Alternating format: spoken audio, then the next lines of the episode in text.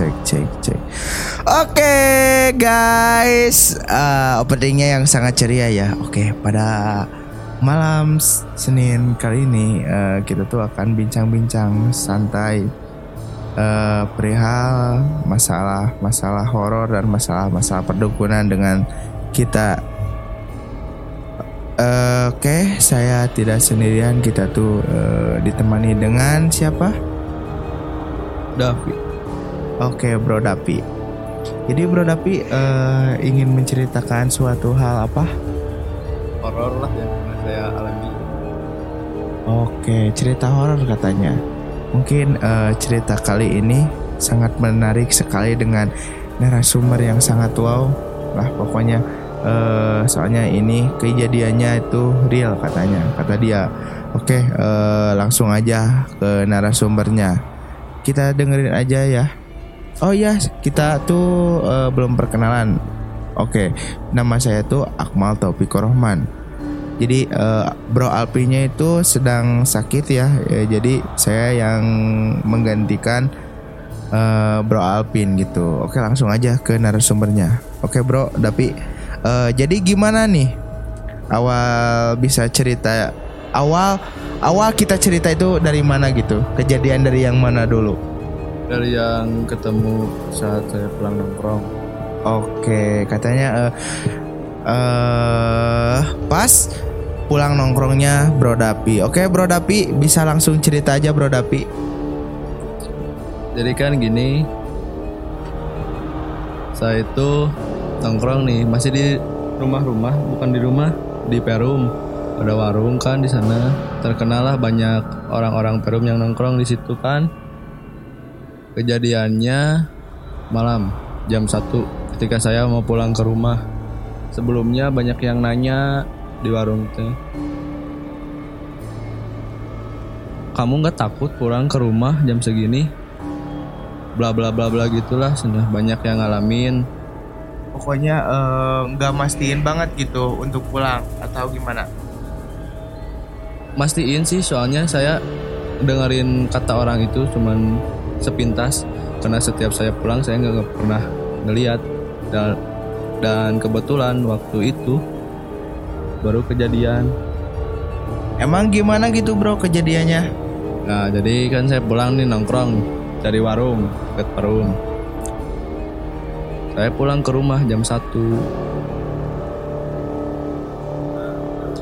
kan banyak bilang tuh rumah saya itu bukan rumah sih suasana masuk mau ke rumah saya itu menegangkan lah serem oke meneg meneg menegangkan di sana tuh serem kata orang-orang. Nah uh, dengar-dengar nih kata Bro Dapi ada cerita cerita cerita rakyat gak di sana? Kenapa uh, tempat tersebut bisa dikatakan horor gitu? Banyak banyak. Karena kayak ada yang foto-foto. Sebelumnya kan foto-foto. Pengen lihat hasil katanya bagus. Enggaknya ketika dilihat ada yang muncul lah penampakan kayak gitu. Penampakan gitu bro. Oke jadi nah kejadian dari bro Dapi itu gimana? Nah saya kan pulang jam satu.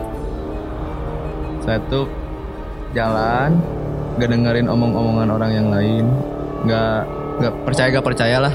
Udah optimis aja gitu untuk optimis pulang, pulang pede gitu jadi kan sebelum ke rumah saya itu kan belok kanan. Setelah belok kanan belok kiri. Jadi belok kanan itu ada pertigaan. Nah sebelum belok kanan saya lihat dulu ke kiri. Set ke kiri. Aduh udah sepi ya. Udah malam ya udah malam soalnya emang jam satu. Ketika belok kanan mau ke rumah. Astagfirullahaladzim itu mah udah refleks pisan balik kanan. Gak jadi pulang. Emang ada apa di sana gitu nggak berani bilang ya cuman ya ngebelag-beg putih besar rambut panjang. Nah ketika dia posisinya berdiri di hadapan saya kira-kira berapa, berapa jauh. Enggak deket enggak berapa ya? Empat delapan langkah langkah lah delapan langkah kaki Dekat banget atuh kalau gitu mana? Pas gitu Bro Dapi gimana langsung? Nah, saya refleks langsung putar balik kanan. Nah, ketika saya putar balik, si dia itu yang tadinya diam terbang ke atas. Jadi eh makhluk tersebut takut sama Bro Dapi, Bro Dapi takut sama dia gitu. Apa gimana? Ya nggak tahu ya kalau makhluknya takut sama saya. Yang jelas ya saya yang waktu itu yang takut kena shock. Lihat tuh ke kiri ke kanan ada yang gituan. Kirain saya ngejar, taunya enggak. Jadi jam satu itu saya kan pulang, la- balik kanan, nggak ke tongkrongan ke tempat teman saya yang nggak jauh dari situ. Jam satu malam bayangin ngegedor lah istilahnya mah. Nah, sih bahasa Indonesia ngetuk-ngetuk pintu jam satu malam itu kan waktu orang istirahat orang tidur saya takut kan udahlah malu lah rasa nggak ada ra- nah udah nggak ada rasa malu lah jam satu. Ngetuk ngetuk pintu alhamdulillah dibukain.